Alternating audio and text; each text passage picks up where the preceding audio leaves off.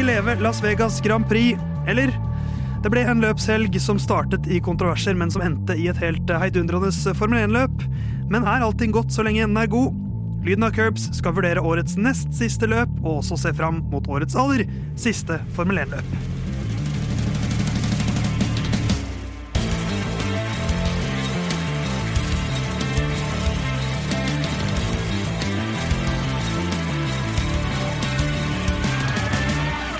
Er vi ferdig med gambling, vi er ferdig med The Strip, og vi er ferdig med neonlys. eh, For denne gang i hvert fall, men vi skal fortsatt prate mye om alt dette her den eh, neste drøye timen hvis du hører oss på podkast, neste halvannen timen hvis du hører oss akkurat nå på Radio Nova. Og hvem er oss? Jo da, det er Lyden av Curbs, din favorittpodkast og radioprogram for om Formel 1.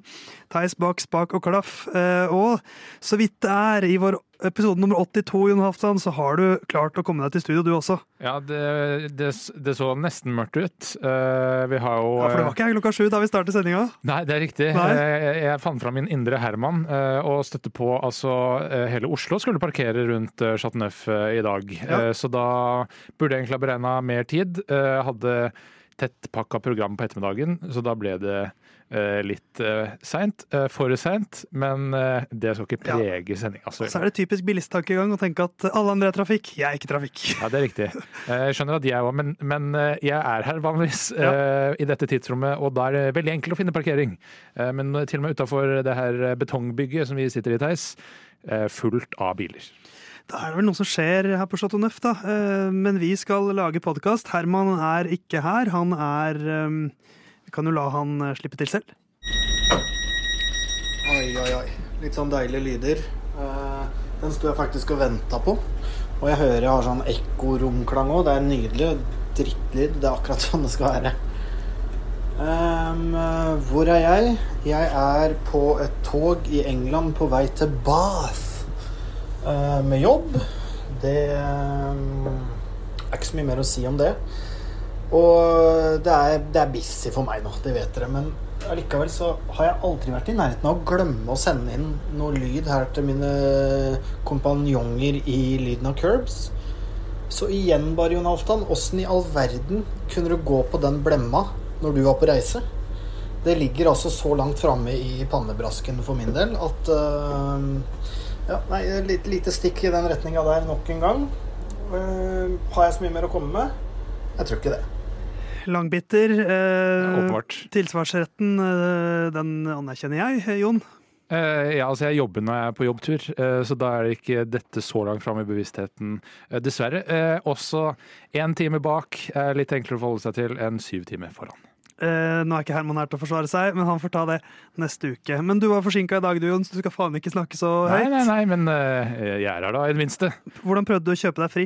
Eller kjøpe deg god samvittighet uh, da du møtte meg her i studio? Nei, egentlig så var det på Det var egentlig bare forsøk på å være hyggelig. Ja. Fordi Ah, okay. jeg planla jo å komme på tida. Ja.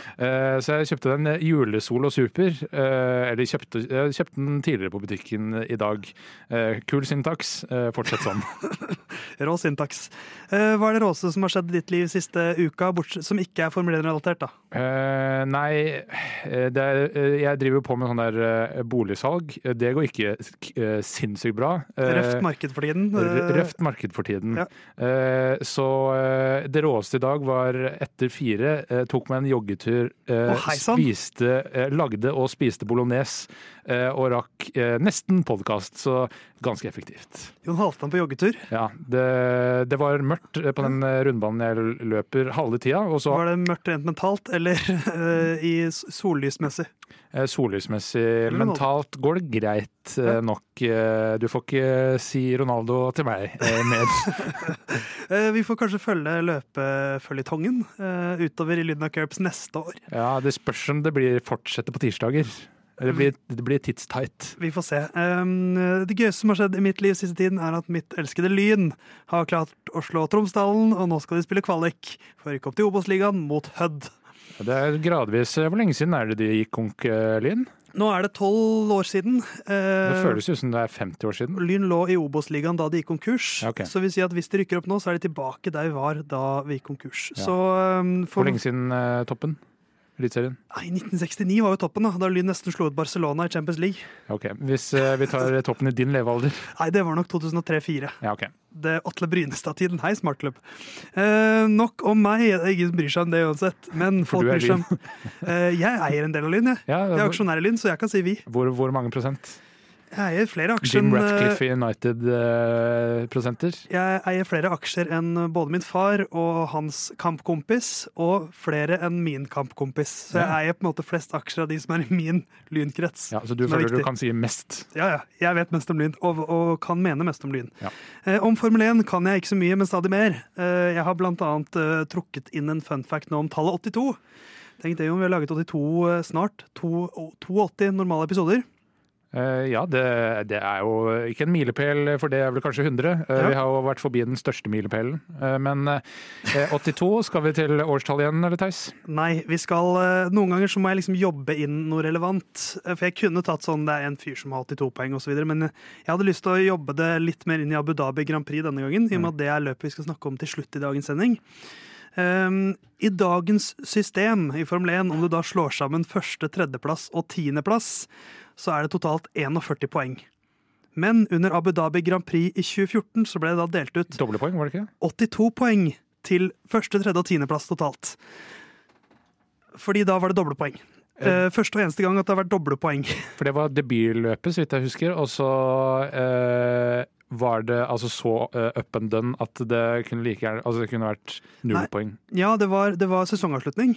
Ja det, jeg skjønner Eh, det. Men, og det var Louis Hamilton som vant til slutt. Men hvis Nico Rosberg vant løpet, så måtte Hamilton være nummer to.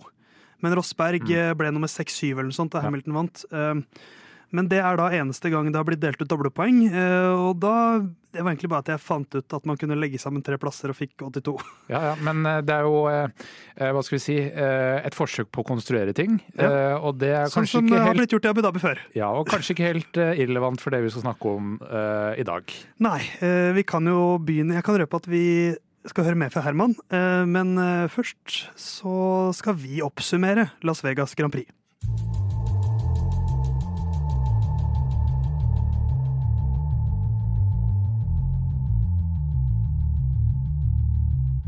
Las Vegas Grand Prix har blitt eh, arrangert for første gang, fordi at eh, de første gangene det ble kjørt Formel 1 i Las Vegas, så heter Caesars Palace Grand Prix. Så det er første Las Vegas Grand Prix er kjørt. Um, og det blei jo en trang fødsel, uh, og en uh, Var det syv minutter i FP1? Ja, syv-åtte minutter. Ja, før et kumlokk løsna og ødela bilen til Carlos Sainz. Uh, og da ble det ikke mer FP1. Nei, det gjorde ikke det. Uh, Chassiset hadde brudd. Eh, måtte bytte hva var det, motor, chassis, eh, girkasse kanskje. Det var i hvert fall ganske mye på den bilen som måtte byttes. Og eh, så ble det Free Practice 2 til slutt. Utsatt. Den ble 90 minutter lang, men det fikk ikke fansen se på, da. De ble kasta ut. Nei, For da hadde vaktene vært på jobb for lenge, så da måtte vi sende publikum hjem. Um, og så kom eh, FP3. Eh, Det ble et rødflagg der selvfølgelig, fordi ingen, ingenting gikk som det skulle i starten. Men uh, så kom det seg gjennom helgen. Kvalifiseringen ble eh, spennende. Ferrari, som eh, har biler som får varme i dekkene, de gjorde det veldig bra der. Vi snakka vel kanskje så vidt om det forrige uke òg. Det er i fare for at vi gjorde det. Eh, Leclerc, Sainz og Verstappen, men Sainz da dyttet ti plasser ned og ble da tolvteplass til slutt i det endelige griddet. Foran Russell, Gasly, Albon, Sargent, Bottas, Magnussen og Alonso. Så kommer løpet. Verstappen tar starten, får en femsekunders straff, men klarer seg greit. Kjører eh, litt ifra. eh, Soner straffen sin i pit.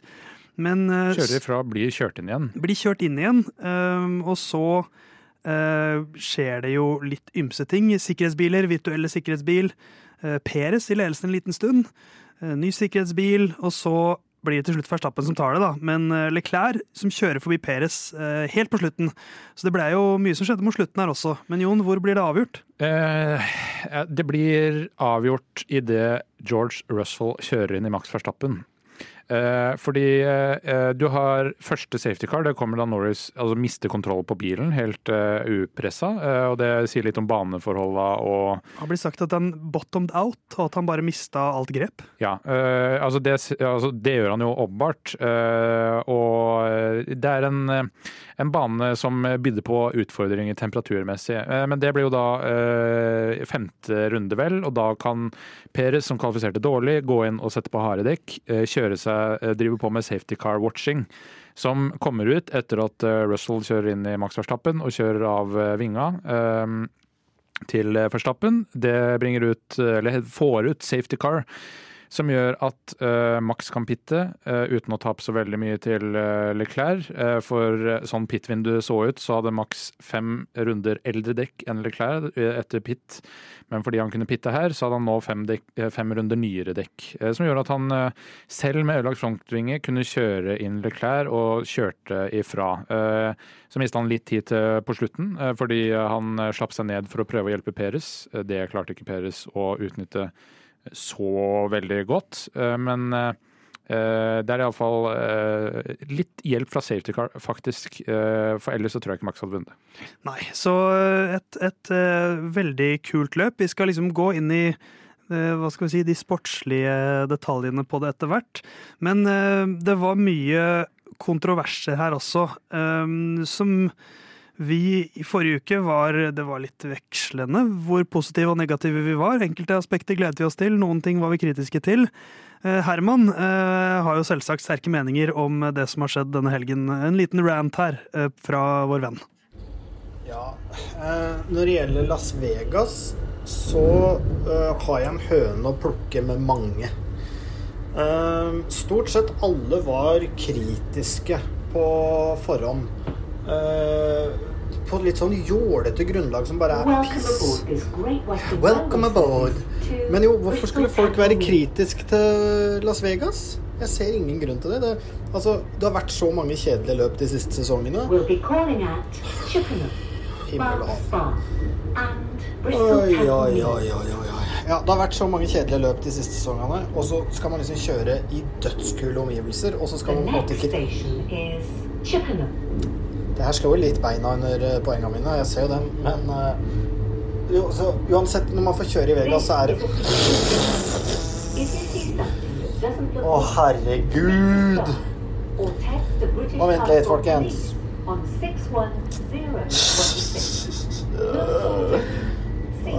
Ai, ai, ai. Ja. Så sårt. Det er fint. Men jo, i Vegas så visste man i hvert fall at han ville få kjøre i spektakulære omgivelser, og det må nesten holde. Det er sykt kule bilder bare å se de bilene kjøre der. Uh, se førerne i det miljøet. Så at folk liksom skulle være så kritiske det, det, det, er så, det er så enkelt. Det er så lavthengende frukt. Sammen med Miami. Jeg skjønner ikke greia hvorfor man skal være så negativ. Det er et stort marked. Det er helt fint å ha noen løp der. Fuck det derre Midtøsten-politiske drittspillet og få mer til USA. Tre løp holder, det er jeg enig i. Men, men i alle dager, da.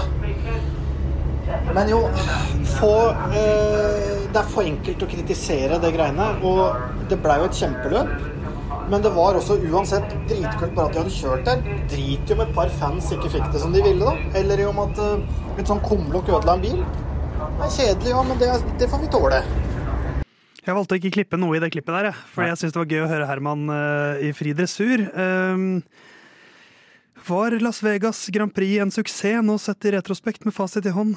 Eh, altså Man må jo si at løpet var en uh, suksess, men jeg forbeholder meg jo retten til å kritisere så mye jeg vil, basert på hva jeg er interessert i i løpet av en løpshelg. Uh, og så utrolig spektakulære bilder syns ikke jeg det er fra Las Vegas når det er mørkt.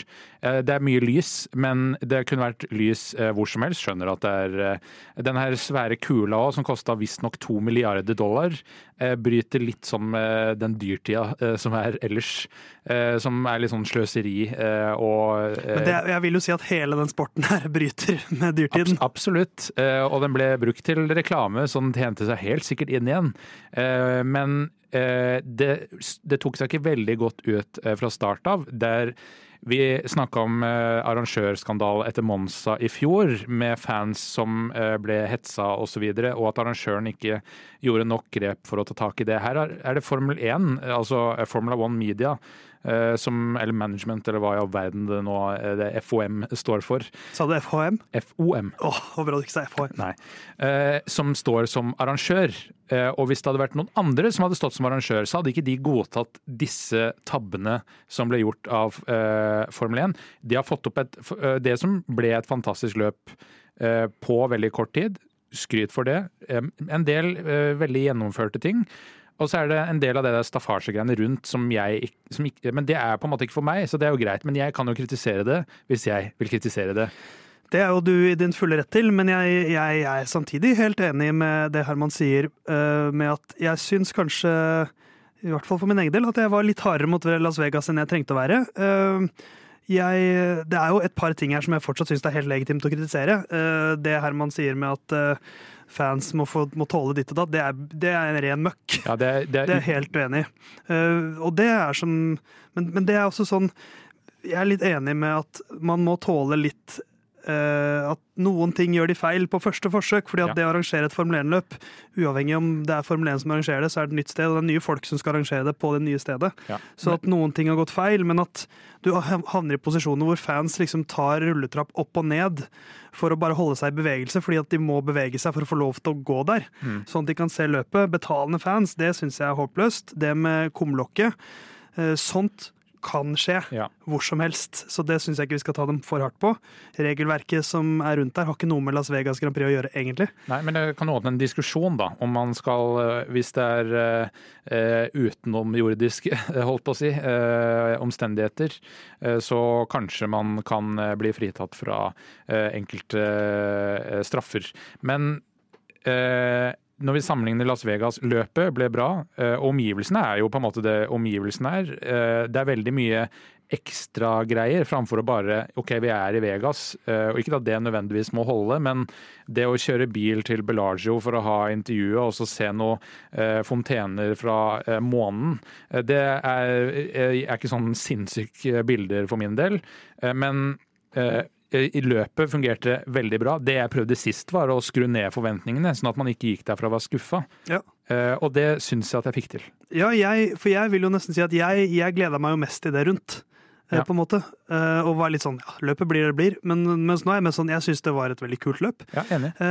fått noen tilbakemeldinger. good question that oppsummerer løpet ni av ti. Logistikk, fanopplevelse, kumlokk fire av ti. Prisene 100 av 10, eh, som jeg syns var en fin oppsummering. Eh, Maria... Jeg har hatt utrolig ustabilt internett, så da før eh, prisutdelinga så ramla den ned igjen, og da skrudde jeg av. Ja, ikke sant. Maria Elise eh, var overraskende spennende. Sier at Herman burde vært utegående reporter. Eh, han hadde kost seg der, spist masse mat, regner jeg med. Uh, og så fant jeg en kommentar fra, på YouTube fra brukeren Spooderman Spooderman, okay. som egentlig oppsummerte løpet veldig fint for min del. This Grand Prix feels more like a Christmas special than an actual race week. Uh, og det er akkurat det jeg syns om løpet selv. Men uh, jeg legger merke til at du, du og Max Verstappen uh, Jonathan, snakker litt om dette løpet på samme, samme vis. Okay. Tror du Herman har mer ranting om dette løpet? Ja, altså, du har en lydklipp som heter 'Herman ranter om Max', ja. så kjør på. Vær så god, Herman. Ja, altså Jeg veit ikke om jeg har fått ordentlig eh, fram hvor forbanna jeg er på eh, både Formel 1 og kritikken av Las Vegas for løpet. Så klipp inn den her, Theis, hvis ikke du har fått det ordentlig fram. Og for meg oppsummeres det med grusomme Max Verstappen, som var kritisk i forkant. 'Å, banen er så kjedelig. Ja, vi må gjøre det. Racing er for sånn og sånn.' Han skulle fortelle fans hva racing var, han. Og hvordan fans skal oppleve racing. Og så, vinner han løpet på, på liksom en litt sensasjonell måte. Eh, I form av at han havner bak. Og så er det liksom Å, fy faen, så kult det var. Og ironisk nok så er det akkurat samme forhold som Jon Halvdan fikk til det her løpet, da. Sitter og kritiserer i forkant, og så vinner Fax Verstappen. Fax Verstappen. Og vips, så var det et kjempeløp. Altså det, det enkleste her i verden er å kritisere. Det sa den beste håndballtreneren jeg har hatt i mitt liv. Og det det viser seg så her. Noen prøver å få til noe nytt, noe kult, revolusjonerende i en kul by med flotte omgivelser, og så sitte og kritisere det. Det er så enkelt.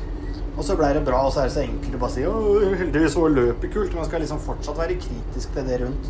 Det vil være barnesykdommer når man prøver å revolusjonere ting. Uten eh, folk som har de verdiene, så ville man aldri kommet noen vei. Og det er jo kanskje på tide å få flere av de inn i Formel 1 nå, fordi når man ser hvordan de reglene håndheves, og det er gjort sånn siden da, og da er det sånn og sånn, så ser man kanskje at her er en sport hvor man trenger en del endringer. Eh, Og da trenger man eh, litt nyvinninger og ny tankegang.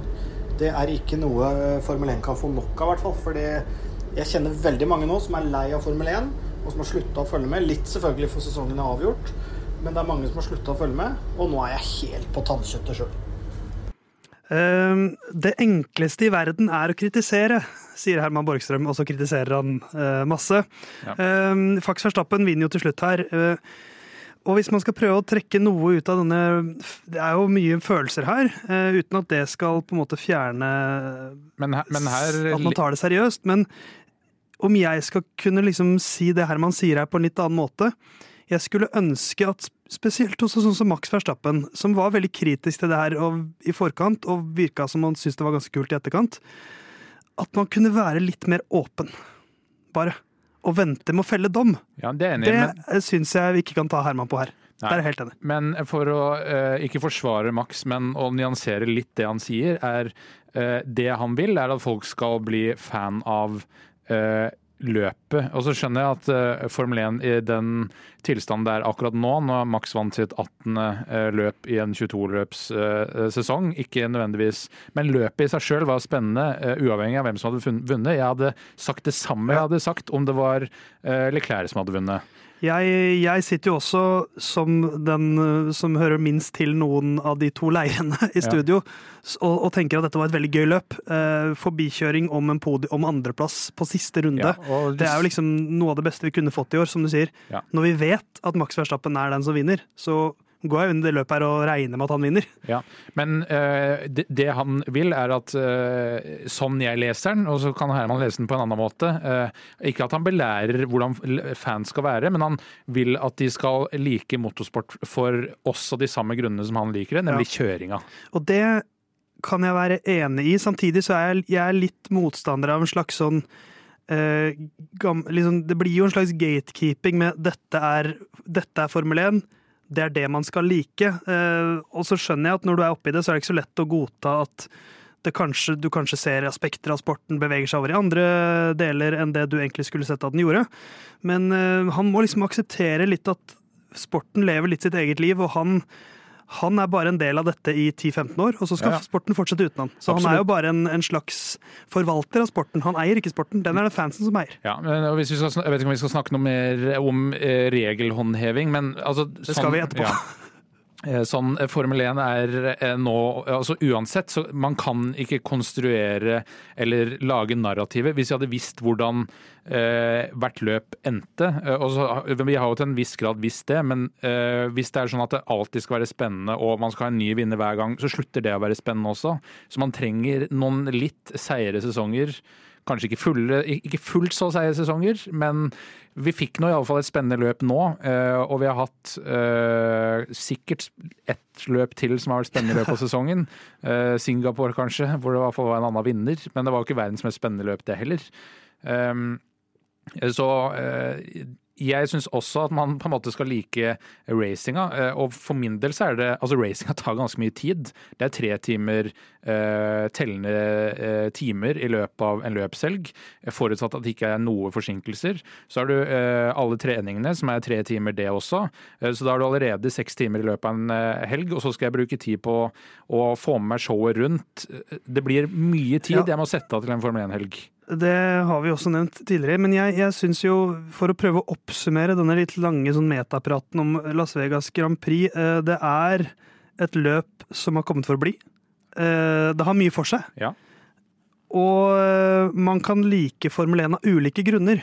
Max Verstappen liker det av én grunn, Herman Borgstrøm av en annen grunn, Jon Halvdan av en annen grunn og Theis av en tredje grunn.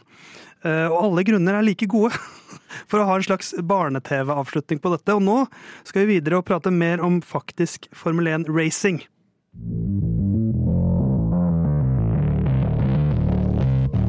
Det ble kjørt Formel 1. Det var ikke bare utenomsportsligheter å snakke om, selv om vi på en måte har snakket om sportslig, men vi har snakket rundt løpet. Nå skal vi prate om det som skjedde i løpet. Ja. For det ble et kult løp, masse forbikjøringer, masse som skjedde.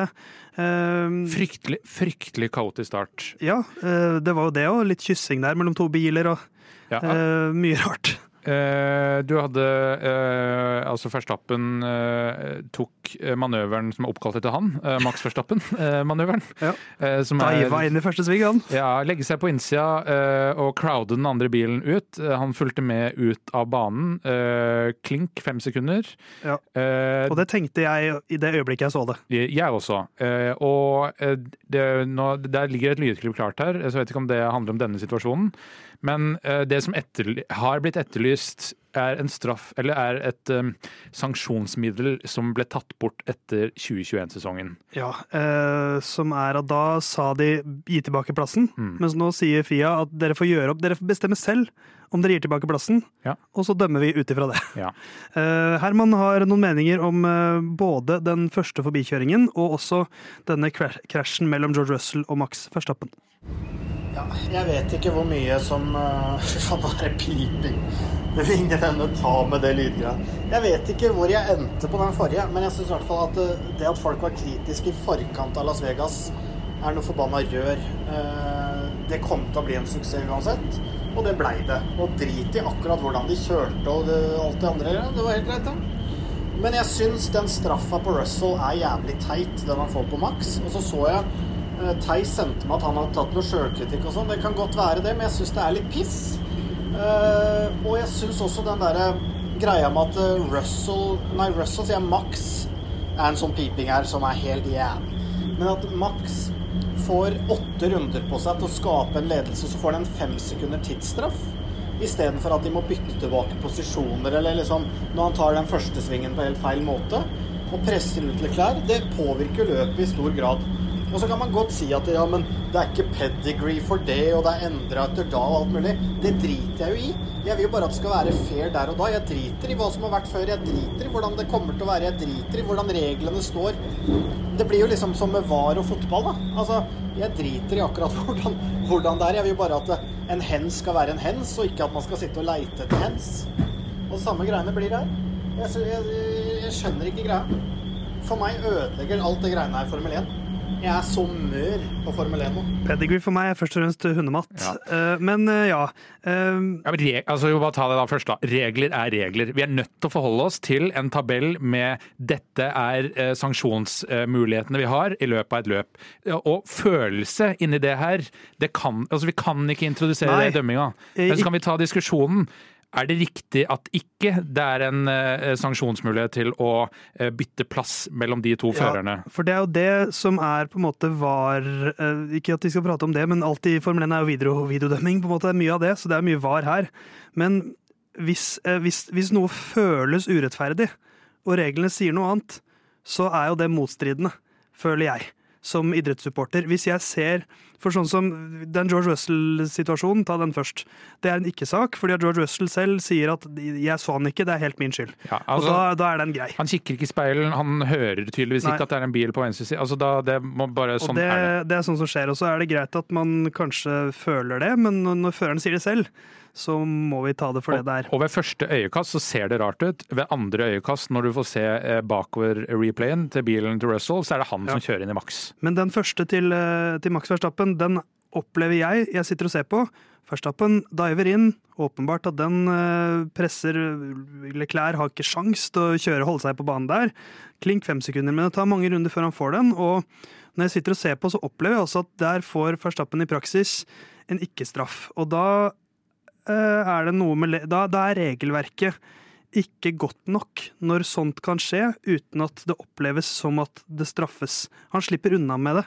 Ja, Det er sånn jeg opplever det. Selv om han står fem sekunder i pit, så opplever jeg at han drar fordel av å gjøre det. ja, fordi jeg, Det er litt som et sånn bevisst gult kort da, i fotball. Ja, jeg opplever det eh, Jeg syns at det var en tabbe å ikke ta femsekunderen. eh, Nei, å ikke gi tilbake den plassen Å ta femsekunderen var en tabbe fordi man Du vet ikke hvordan eh, omstendighetene rundt når jeg tar den tidsstraffen hva er omstendighetene? Er det en safety car? Er det et, Altså, det er, det er så mange muligheter her, da. Det kunne slått ut Vi, vi så hvor viktig sikkerhetsbilene var i det løpet her. Ja. Hadde Max vært uheldig og ikke fått sona den femmeren på riktig tidspunkt, så kunne vi kanskje snakket litt annerledes om det nå. Ja, men eh, hvis vi skal se på hvilke andre sanksjonsmuligheter man kunne hatt, så er det eh, Man kunne gjort som en type drive-through-straff. At du får fem, tre, fem runder på å gjøre opp det her. Eh, Hvis ikke så er det ti sekunder, da. Som ikke er egentlig en tidsstraff som man har, men man kan gi stacke fem sekunder. Ja, Men man kan introdusere en ny eh, regel for det. Eh, Når det gjelder Jeg tror ærlig talt at Max ikke prøver å kjøre utafor banen sjøl også her, men bare Leclerc. Fordi Russell klarer ikke å ta innersvingen på de to. Som sier litt om hvor sleipt det var inn i første. Det var visst en eller annen paradebil som lakk olje på eh, eh, tidligere i løpet. Kaldt i tillegg også, så det blir jo mange faktorer her. ja, Alonso spinner, uh, Science eh, snurrer, Perez kjører inn Ja. i eh, en, en eller annen bil som kjører inn i Science. Altså det, det skjedde fryktelig mye der. Det gjorde det, men eh, det utelukker jo fremdeles ikke da at det, det føles på en måte feil. Så jeg, jeg er veldig Men det er, Jeg- men det er spørsmål da, fordi dette er jo farlig kjøring da, i tillegg. hvis hvis Max av de tilbake eh, plassen, er det ikke fem sekunder? Eller skal man si Ja.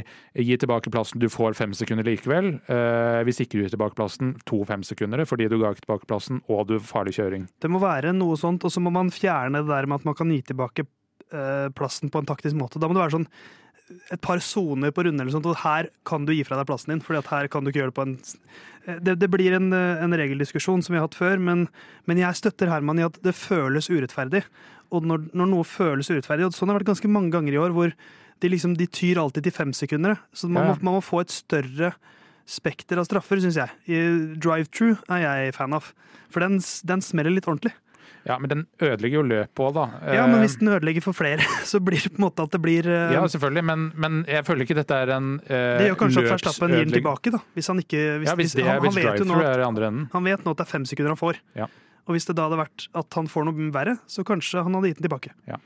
Um, Men jeg foreslår Jon, at vi går videre og prater litt om et par andre. Eh, At det ikke bare blir eh, hvis vi skal eh, snakke litt om eh, de som nesten vant, eh, og som eh, vi, vi vel spådde kunne gjøre det bra, for de har hatt et dekkproblem hele sesongen, som når det er åtte grader eh, og kaldt, eh, kanskje kunne hjelpe de litt eh, på veien, spesielt i kvalik, og det er Ferrari. Eh, Spesielt Charles Leclerc. For en gangs skyld eh, var han on the front foot sammenligna med Carlos Sainz. Og eh, det er jo en forbanna meme at Leclerc blir nummer to, når, eller ikke, at Verstappen vinner når Leclerc tar pole position, som selvfølgelig, se, selvfølgelig skjer her også. Men det var jo sånn et annet lynne fra Leclerc etter morgenen hvor det var åh, det ble i hvert fall en andreplass. Ja, og det ble ikke en niendeplass som det pleier å bli. Nei, og for å gå litt tilbake til start tidligere i dagens sending, det kan godt hende at dette løpet egentlig ble avgjort da Carlos Sainz kjørte over det kumlokket. For Det- hvis eh, Leclerc og Sainz hadde starta P1 og P2, så hadde jo første sving blitt helt annerledes, og det var tempo i den Ferrari-bilen, altså.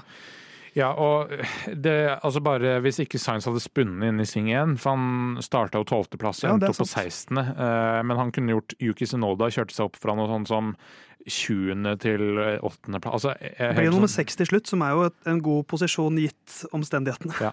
Eh, Så det var potensial her for at Ferrari kunne hatt en enda bedre helg, som også gjør at eh, jeg skjønner eh, Freddy Vasør eh, i intervjuet etter FP1 som er eh, rasende og blir stilt spørsmål men Vi ser på det større bildet. Jeg ser bare ett bilde nå. Det er den ødelagte bilen til Sainz. Og det forstår jeg helt. Men eh, andre heltemodige innsatser. eh, Esteban Ocon kjører seg opp fra 16.-plass, blir nummer fire. Lance fuckings Stroll starter P19, femteplass. Boom! Ja, Det er rart hvor eh, Hva et kaosløp kan gjøre.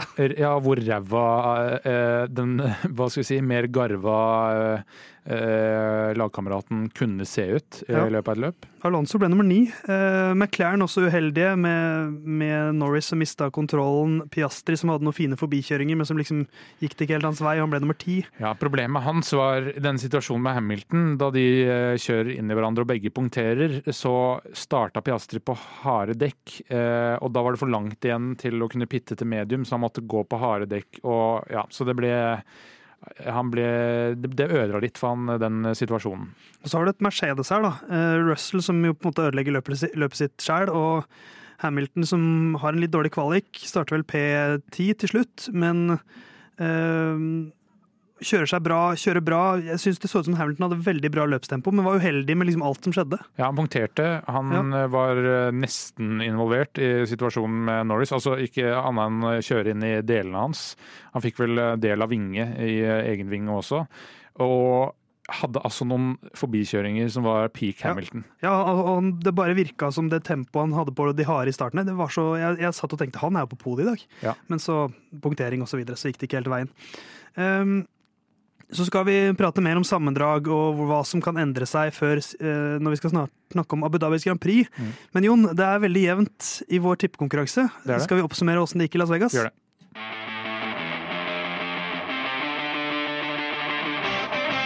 Vi tipper de tre beste i hvert eneste løp i år, og vi har eh, ett løp igjen å tippe, så vi har eh, to løp igjen å oppsummere. da.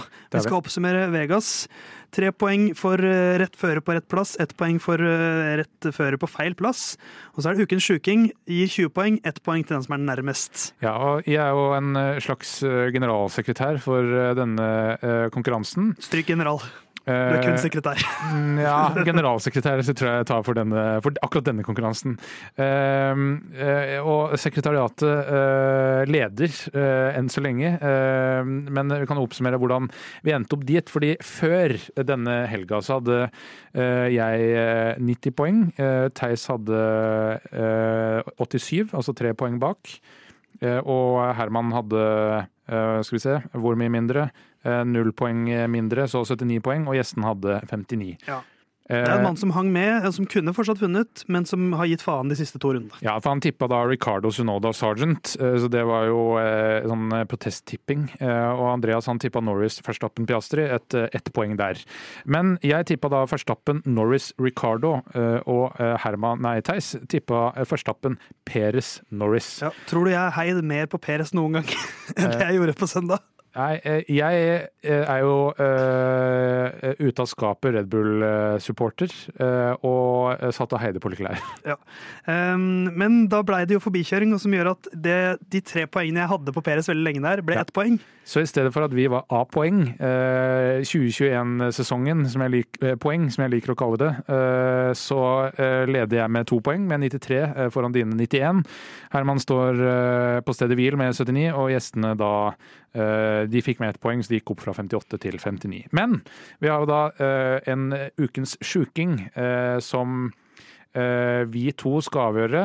Eh, og siden det er vi to som skal avgjøre det, så skal det Jeg tror nok de som ikke er til stede i dag, får det Ja, men og uansett, du hadde ti biler fullførere, Jon Halvdan. Det var 18, eh, det var 19, 17, ja, 17, 17 biler som som fullførte. 19 kjørte mange nok til å bli klassifisert. Ja.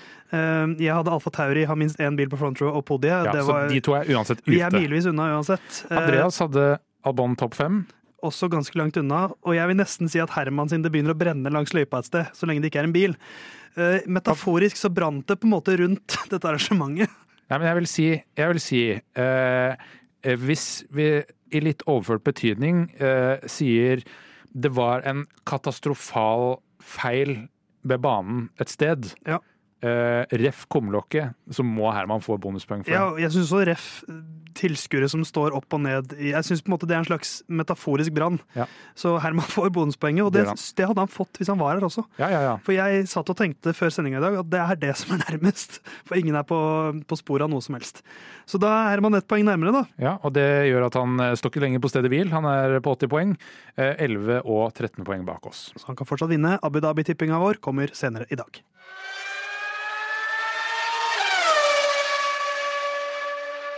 Under Formel 1 så finner du både Formel 2 og 3, og eh, Formel 3-sesongen er over. Formel 2 skal avsluttes i Abu Dhabi.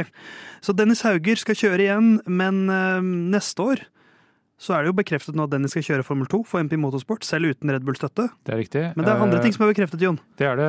Så vi starter Formel 2-stikket med å snakke om Formel 3. Fordi eh, 17 år gamle Martinus Stenshorne blir Formel 3-fører. Det er jo ikke eh, hva skal jeg si, flunka nye, nyheter. Eh, det er snart en uke gammelt, men eh, vi har ikke snakka om det her før, fordi det skjedde eh, etter tirsdag. Eh, så det Jeg har en kollega som eh, kjenner Har spurt meg om jeg vet om hvem han Marius Martinus Eller Marius. eh, Stenshorn er.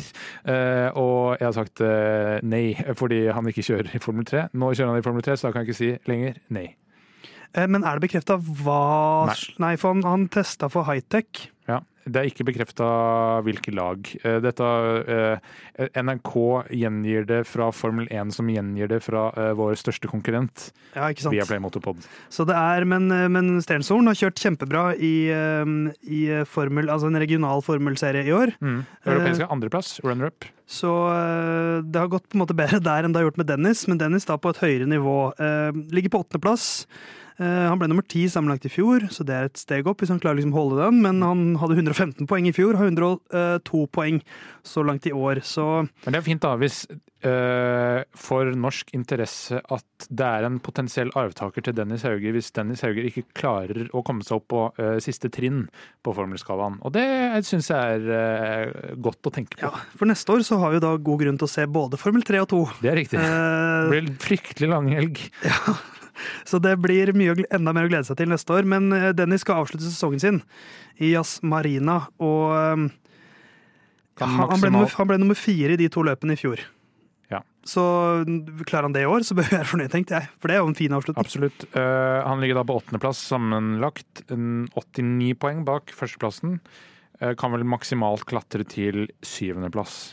Ja, det er vel altså, Matematisk så er det vel mulig å komme seg enda lenger opp, men uh, da er han avhengig av at både Ollie Bearman og Victor Martins ikke tar poeng. Uh, for han er vel 1 29 poeng bak uh, Ollie Bearman.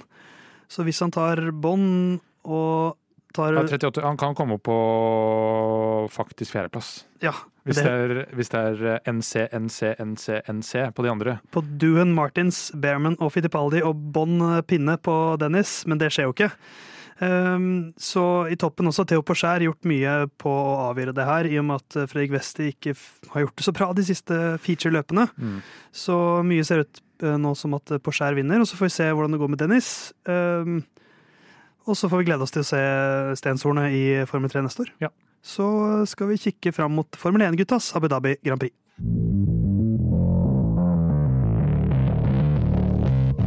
Alles favorittbane, Jazz Marina, Abu Dhabi Grand Prix er tilbake. Endelig! Endelig. Venta på det! Åh, nei, en ny sesong nærmer seg slutten, Jon Halvdan. Eh, 22 av 22. løp er snart kjørt, og det siste skal finne sted i Asmarina, der eh, sesongavslutningen er De har en lang kontrakt, så jeg husker ikke hvor lang den er, men den er til 2030 et eller annet. Ja, for, for lang. Ja, eh, Det syns jeg er noe av det kjipeste med Formel 1. Disse lange kontraktene med møkkaland. Ja, pluss Eh, møkkabaner. Det er ikke bare, bare det at landet er så utrolig ræva. De har prøvd å gjøre noen endringer da, på den eh, Jazz Marina-banen eh, i Abu Dhabi, men eh, det hjelper ikke det når du har så ræva regime, si. Nei, det er som om jeg skulle sagt det sjøl. Men, men det er jo fortsatt spenning her. Så det er fortsatt noe som det er verdt å se på dette for. Annet enn at Formel 1 er gøy å se. Uansett hvor dårlig banen er, syns jeg det er gøy. Mm. Først, andre- og tredjeplass i nei, i førermesterskapet er avgjort. Fjerdeplassen den er ganske tett. Der har du Carlos Sainz og Fernando Alonso begge to på 200 poeng, men Sainz har vunnet et løp, så han har den på countback. Så er det Lando Norris fem poeng bak, og Charles Leclerc tolv poeng bak da sin lagkamerat på fjerdeplass. Så, Så eh, det er tolv poeng som skiller mellom fjerde og åtteplass. Eh, For Sainz han har jo femteplass som karrierebeste, Norris har sjetteplass som karrierebeste. Eh, Leclerc har jo andreplass, og Alonso har jo da verdensmesterskap. Men han har ikke vært bedre enn sjetteplass siden 2014. Så for hans del også så er William fjerdeplass være et, eh, et steg i riktig retning igjen. Men fire mann der som kjemper om, om fjerdeplassen, det er verdt å kjempe for det. Ja, jeg- så noen vil jo mene at det ikke er det, men eh, jeg mener at det har noe å si, i hvert fall for Carlos Sainz sin del. Det Ja, å slå Leclerc eh, over en sesong Vel å merke med uheldigheter her og der, men eh, det, det tar ikke historiebøkene nødvendigvis med. Så det vil, det vil være bra. For Alonso sin del så er det nesten synd å bli slått av Ferrari.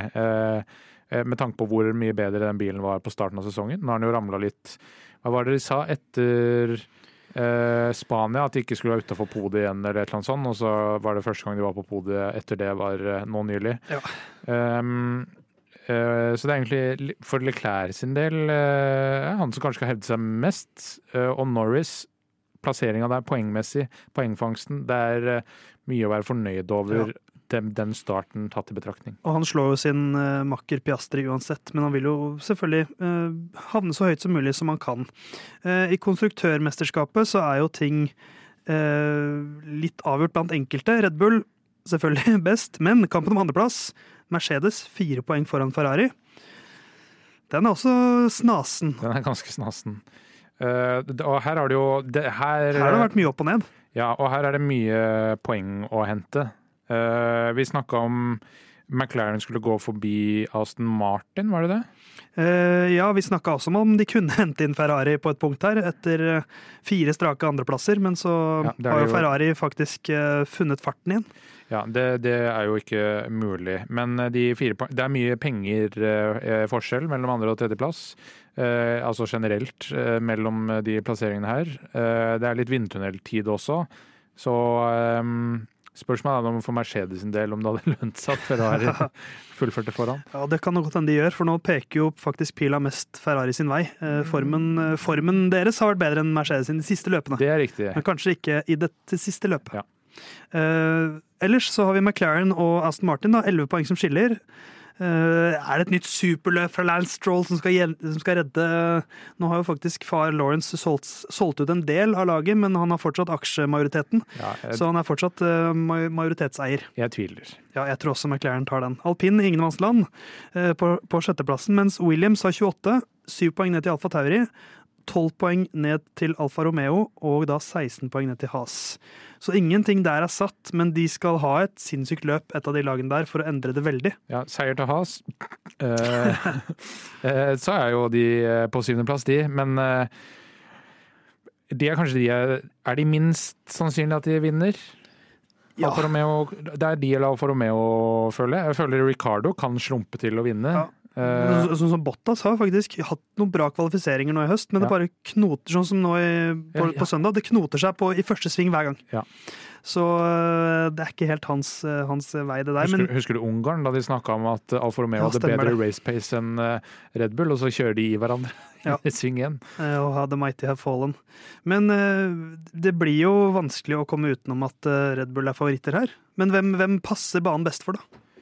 Ja, Den må jo kunne sies å passe best for eh, Red Bull. Det er de som beskytter dekka best. eh, Og eh, det er en bane der eh, eh, å være aeroeffektiv har en del å si. Eh, Så eh, Mercedes ser på dere. Eh, Det er to langstrekker her. Eh, Håper dere får eh, eh, høvla litt av den låvedøra, eh, så det ikke går eh, så utrolig sakte sammenlignet med andre. Ja, og der, Det virka jo som om de hadde at rettstrekningene var litt bedre. Altså Las Vegas-tempoet deres var jo bra.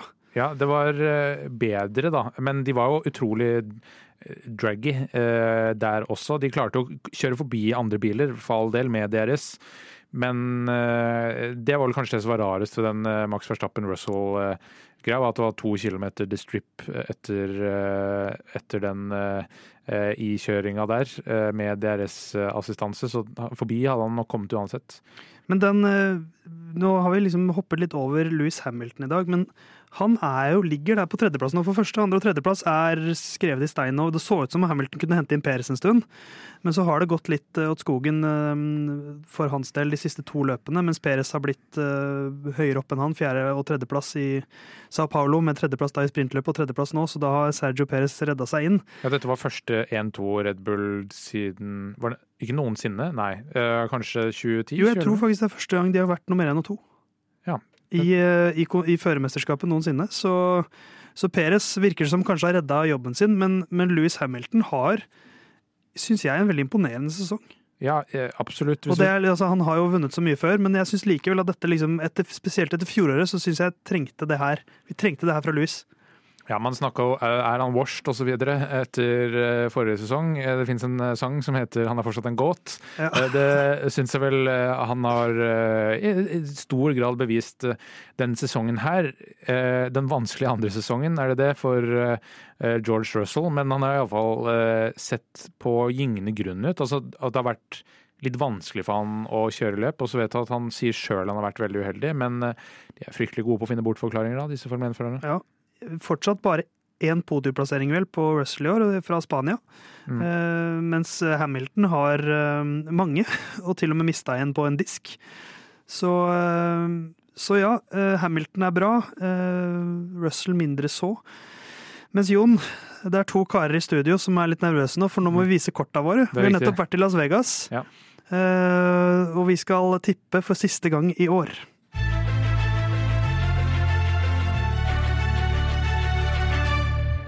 Og jeg tenkte kanskje at vi kunne la Herman tippe først. Ja. I og med at han og det, for, for nå er det jo ingen hemmelighet at det er to poeng som skiller oss. Det, det, har vi, det har vi allerede snakka om, det. Så vi har, nå har vi skrevet ned våre tips. Vi Ja. har begge to laget bevis på at disse er skrevet. Ja, Topp tre, da. Ukens sjuking er ikke jeg ferdig med ennå. Nei, og den, den kan jo hende må tweakes uansett. Ja. Eh, Men Herman skal få tippe først. Åh. Ni kameraer i handa. Få melding av Theis. Må gjøre tipping og For det hadde han glemt. Ja. Han som har huska så Jeg mye, er jo en sånn som følger opp, så jeg får gjøre det, da. spille inn på toget. Min eh, topp tre er Sunoda, Ricardo Sargent. Eh, igjen, denne tippinga har fått samme verdighet som 2021-sesongen. Så få det bort. Få det vekk fra mitt åsyn. Eh, ukas sjuking er at eh, Det er at eh, Putin og han øh, kinesiske presidenten jeg ikke husker navnet på, er til stede. Takk for meg. Putin og Xi Jinping. Eh, det er jo på en måte den type folk som liker Formel 1, så det overrasker ikke meg. Uh, ja, han switcher det litt opp fra forrige uke. Da hadde han Ricardo Sunoda Sargent. Nå er det Ja. Sunoda Ricardo Som, Sargent. som har tatt en, eh, en liten eh, variant der. Uh, Skal vi alternere, Theis? Det tror jeg er lurt. Og så syns jeg vi skal begynne på førsteplassen vår. Ja. uh, Verstappen. Verstappen. For det mest spennende her er jo hva jeg har tippet. For nå, nå må jeg jo, før vi da leverer andre- og tredjeplassen Ja, hva tror du jeg har tippa? Du har jo en leders privilegium her, Det er riktig. Uh, så jeg tror du har Peres. Det er riktig. Um, hva har du da, Theis? For jeg har som sagt ikke en leders privilegium. Så jeg, skal jeg få til det her, så må jeg gjøre noe annet enn deg. Mhm. Opposite. Boks opposite Halvorsen, har jeg fått beskjed om. Så Horsen, jeg har Horsen, Lando Norris. Norris. For jeg, hvis jeg hadde Jeg var livredd. Jeg hadde veldig lenge Verstappen Peres, men jeg tenkte at det kommer Jon til å ta. Det kan ikke jeg ta. Hva er min tredje da, Theis? Norris. Norris. Og det var dette jeg også var redd for. At hvis jeg ender opp med Verstappen Perez Norris, så er sjansen min for liten. Selv hvis jeg tar Norris Perez. Ja, så Så jeg har Leclerc. Leclerc. Jeg må skyte med hagle. Jeg må ha et Jeg må ha i hvert fall et annet navn enn det du har. Ja. Uh, jeg hadde nok hatt jeg, jeg kan nok hende at jeg hadde vært nærmere deg. Sjansen min for å eh, komme nærme deg er nok større hvis jeg hadde hatt Perez og Leclerc. Ja. Men jeg måtte stryke Perez for å ha større sjanse for å passere deg, Ja. og det er mitt mål. Det er jo uh, en uh, Hva skal vi si? Det er jo bedre enn å bare Hvis du tipper det samme, så Ja. vinner du iallfall ikke. Og jeg var livredd. Jeg hadde Perez både på andre- og tredjeplass veldig lenge, men jeg var livredd for at jeg skulle tippe helt likt som deg, så jeg måtte bare være sikker på at jeg ikke gjorde det. Ja. Ukens sjuking Ja. har jeg fullført. Eh, I hvert fall et forslag. I mitt forslag eh, skrives ferdig nå. Er det noen som er godt forberedt? Ja. Eh, jeg har kun nordiske førere tar raskeste runde i Formel 1 og Formel 2. Kun nordiske førere tar Raskeste runde i Formel 1 og Formel 2. Som vil si at i sprintløpet og featureløpet i Formel 2 så må Fredrik Westi eller Dennis Hauger være raskest. Og i Formel 1-løpet så må enten Bottas eller Magnussen være raskest. Mm. Og det gjelder alle de tre løpene. Så må eh, nordiske førere være raskest. alle tre løpene. Ja, det er eh, Det er jo ekstremt usannsynlig. Det er veldig lite sannsynlig. Uh, For det, jeg, jeg, jeg tenker jo at, den, at Bottas eller Magnussen har Formel 2, har Formel 1 raskeste runde, er jo den som er minst sannsynlig her. Ja. Uh, samtidig så skal det da klaffe veldig for Westi og Hauger. Ja, Vesti er jo mer sannsynlig. Ja, men sannsynligheten er veldig stor for at han kjører for seier. Det er riktig. Eh, ja, den må nesten få stå, den, da. Så hadde det vært gøy hvis en gikk inn i år, Jon. Ja, Spesielt hvis det. det var min siste. Ja, fordi min er ukens sjuking. Ferrari 1-2, McLaren 3-4, Red Bull 5-6 etter kvalik. Etter kvalik Oi. Den er jo veldig konkret, da. Få høre den igjen. Eh, Ferrari 1-2, Ja. McLaren 3-4, eh, Red Bull 5-6. Max Verstappen har noe sånn som 16 pole position, eller noe. Ja, men det er et par løp hvor det har knytt seg litt i år, da. I kvalik for hans del. Men Abu Dhabi er ikke en banespekk som skal tilsi det. Nei, jeg vet det. Men jeg syns fortsatt det er litt sånn Ferrari har nettopp hatt en 1-2. Eh, Ja, på en bane jeg, jeg, som vil, jeg vil ha med at Perez slår Max. Uh... Det, det er den eneste sånn fører slår fører jeg vil ha inn. For å prøve å si at det er fortsatt gøy hvis en går inn. Men den der kan gå inn. Piastri er god i kvalik. McLaren har bra tempo i en del kvaliker i år. Hvis de har det, men ikke bedre enn Red Bull. Eller usannsynlig bedre enn Red Bull. Eh, hvor Perez er ja, Men at, at Cheko Checo er nummer fem eller seks, er jo mest sannsynlig. Ja, det er riktig. Det er det nærmeste. Men, eh, så Det er derfor jeg vil ha inn at eh, det må være noe litt villere som skjer. Ja, ok, Greit. Da, eh, da blir det da Ferrari 1-2, McLaren 3-4, Red Bull 5-6 etter kvalik hvor Perez er foran Verstappen. Ja. Ja, det er eh, Jeg, jeg, uh, Det jeg spiller ingen rolle. Det jeg er ingen av de går inn denne sesongen Nei, jeg syns det ser ut som om du har det beste tipset på topp tre, men det var jeg forberedt på. At jeg er i utfordrerposisjon. Jeg er avhengig av å treffe med en litt dristigere vei enn det du er. Ja. Det er litt som i 71 grader nord i siste episode, hvor jeg må gamble litt på rutevalget for å klare å slå deg fram til Tom Stiansen. Eh, ja, men det, det, det er sånn eh, det må være. Ja, det er sånn det må være. Tar du en kjapp oppsummering? Det kan jeg gjøre. Uh, Jeg har da tippa Verstappen Perez Norris. Theis har tippa Verstappen Norris Leclerc, mens Herman har tippa Sunoda Ricardo Sargent. Uh, Så er det da ukens sjuking. Her er det ti poeng eller ett poeng som står på spill. Jeg tror at Ferrari får 1-2, McLaren 3-4 og Red Bull 5-6 etter Kallik, hvor Perez er foran Verstappen. Theis tror at det kun er nordiske førere som tar raskeste runde i Formel 1 og Formel 2, eh, som betyr da eh, Fredrik Westi eh, eller eh, Dennis Hauger i eh, sprintløpet og featureløpet. Eh, Og da ikke minst eh, Bottas eller eh, Magnussen i eh, eh, Formel 1-løpet. Hovedløpet, det eneste løpet. Eh, eh, Herman har da, eh, eh, skal da ha videobevis, eller bildebevis, av at eh, Vladimir Putin og Xi Jinping, eh, altså da henholdsvis eh, Russlands diktator og Kinas eh, diktator, Ole Brumm, er til stede på eh, banen i Abu Dhabi, som også eh, er eh, et land som styres av en diktator. Sånn har det blitt. Sånn er det blitt. Vi skal lese et kapittel i min mest, i mitt mesterverk av en roman Ja. før vi takker for oss i dag.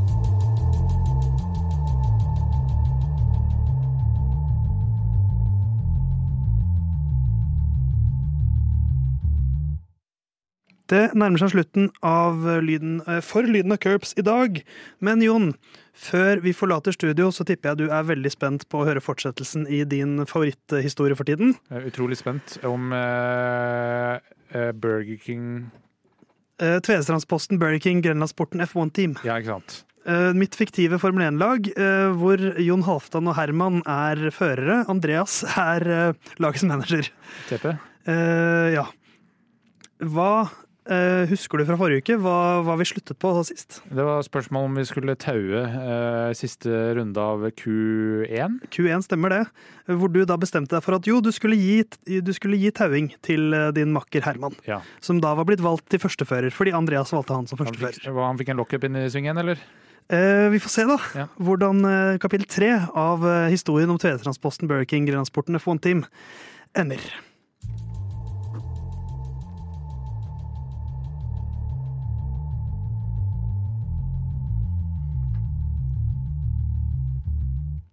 Kapittel tre Langgangen med sin fjord. Herman trekker pusten, og kroppen stålsetter seg før G-kreftene snart treffer ham. Langgangens store motorsporthelt bremser ned før siste sving, triller inn på målstrekket og tråkker gasspedalen helt i bånn. Tvedestrandsposten Burger King Grenlandsporten-bilen akselererer raskt. Noen sekunder foran ser Herman Jon Halvdan i perfekt taueposisjon. Han traff så dårlig i siste sving at han ikke klarte å unngå å gi meg en fordel. Karma, tenker Borgstrøm idet han krysser målstreken kun sekunder før klokka i Q1 viser null. Både Herman og Jon Halvdan har kun dette ene forsøket på å nå Q2. Drøyt 90 sekunder senere krysser Herman samme målstrek. Et par sekunder med stillhet. Herman, P16. To tideler fra Q2. Sorry, kompis. Bra forsøk. Herman banner. Fuck, ass. Hva med Jon? Svarer han til sin eh, ingeniør. P19 lyder svaret. 31-åringen fra Langgangen nynner fornøyd på Langgangen med sin fjord, sine åser osv. idet han triller rolig gjennom runden og svinger inn i pit igjen. Der er Jon allerede på plass. Sørlendingen endte tre tideler bak sin makker i Q1. Faen, ass. Det var tauingen, det, som gjorde at han slo meg. Erger Jon seg. Han er, han er, allerede på lang vei i en tankerekke som han senere på kvelden har planlagt å presentere for teamsjef og bror Andreas. En tankerekke full av argumenter om hvorfor Jon bør sidestilles med Herman i søndagens løp. Tvedestrandsgutten hopper raskt, men langsomt og lite elegant ut av bilen idet Herman ganske så hakkete ratter seg inn i pit og stopper ved hans side. Plutselig merker Jon et lite kakk i foten. Han kikker ned. En liten skrue har trillet ut fra Tvedestrandsposten Burger King-transporten-bilen til Herman. Jon kjenner hjertet begynne å pumpe raskere. Han bøyer seg raskt ned og griper tak i den lille skruen. Han ser seg rundt. Det er kun Jon som har oppdaget den lille rømlingen. Og da er spørsmålet Holder Jon på hemmeligheten, eller sier han ifra til Herman at han har en skrue løs? Altså, det er aldri en mulighet å gå fra meg der jeg kan si at Herman har en skrue løs. Plutselig vil ikke drepe fyren. Så du sier til Herman at det har løsna en skrue i bilen din? Ja. Følg med i neste uke i fortsettelsen på Tvedestrandsposten Burger King Grenlandsporten F1 Team.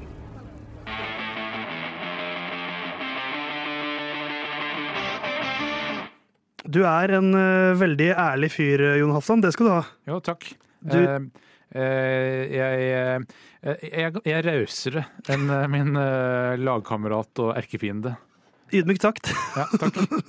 Vi nærmer oss slutten i dag. Uh, Lyden av Curbs uh, for 82. gang. Uh, vi har i hvert fall én ordinær episode igjen. det er to ordinære episoder igjen, må det jo bli. Ja, vi skal oppsummere sesongen, selvsagt. Ja, og så får vi se hva vi finner på i desember. Der er vi, ikke, vi har ikke helt spikra hva det blir, men noe blir det vel sikkert i en eller annen form. En skulle tro det. Gjenta suksessen fra i fjor. Da hadde vi julekalender. Ja. Vi får se om vi får til det i år også. Men det er et løp på søndag. En Formel 1-sesong som skal avsluttes. 22 løp. Det har gått fort i år, syns jeg, selv om det har vært mange løp som har vært lette å spå. Det er riktig. Det har kosta mindre enn 21-sesongen f.eks. Det var en veldig opprørende sesong på mange måter. Noen er ikke ferdig med å opprørt enda. Og årets sesong har jo ikke vært veldig spennende. Men så har du enkeltløp, da, sånn som Vegas f.eks. Eh, vi snakka f.eks. ikke e, egentlig om situasjonen der eh, det så over og ut ut for Leclerc, eh, som hadde lockup og blir forbikjørt av Peres. Klarer likevel å hente det inn. Håper at det blir et sånn type løp nå på søndag. Ja, vi får jo tro så lenge det er håp. Eh, det er jo et eh, siste løp som eh, går på en litt sånn vanligere tid for oss som er vant med at løp starter ca. klokken to på søndag. For det er da det starter nå på søndag. Ja. Trening på fredag klokken 10.30, trening 2 14.00. Trening tre på lørdag 11.30, og så kvalifisering på lørdag klokka tre. Da skal jeg i hvert fall sitte klar. Formel 2-tidene skal vi også få servert. Det er trening på fredag og kvalifisering klokka åtte på morgenen og tolv eh, på hva blir det? Middagen. Ikke ettermiddagen eller formiddagen, fordi det er klokka tolv. Så ettermiddagen, da. Noon.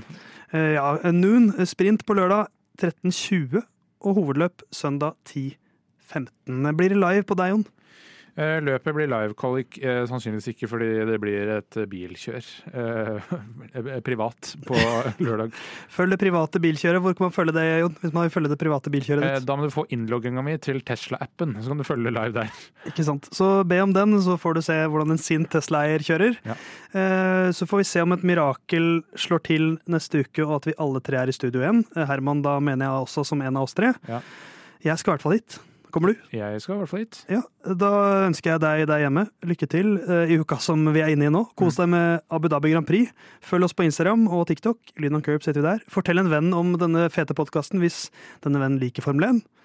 Eh, Noen siste bevingede ord? Eh, fortell en fiende om det også. Fortell en fiende, og fortell en du egentlig ikke bryr deg om, eh, om dette prosjektet vårt. Vi høres om en uke.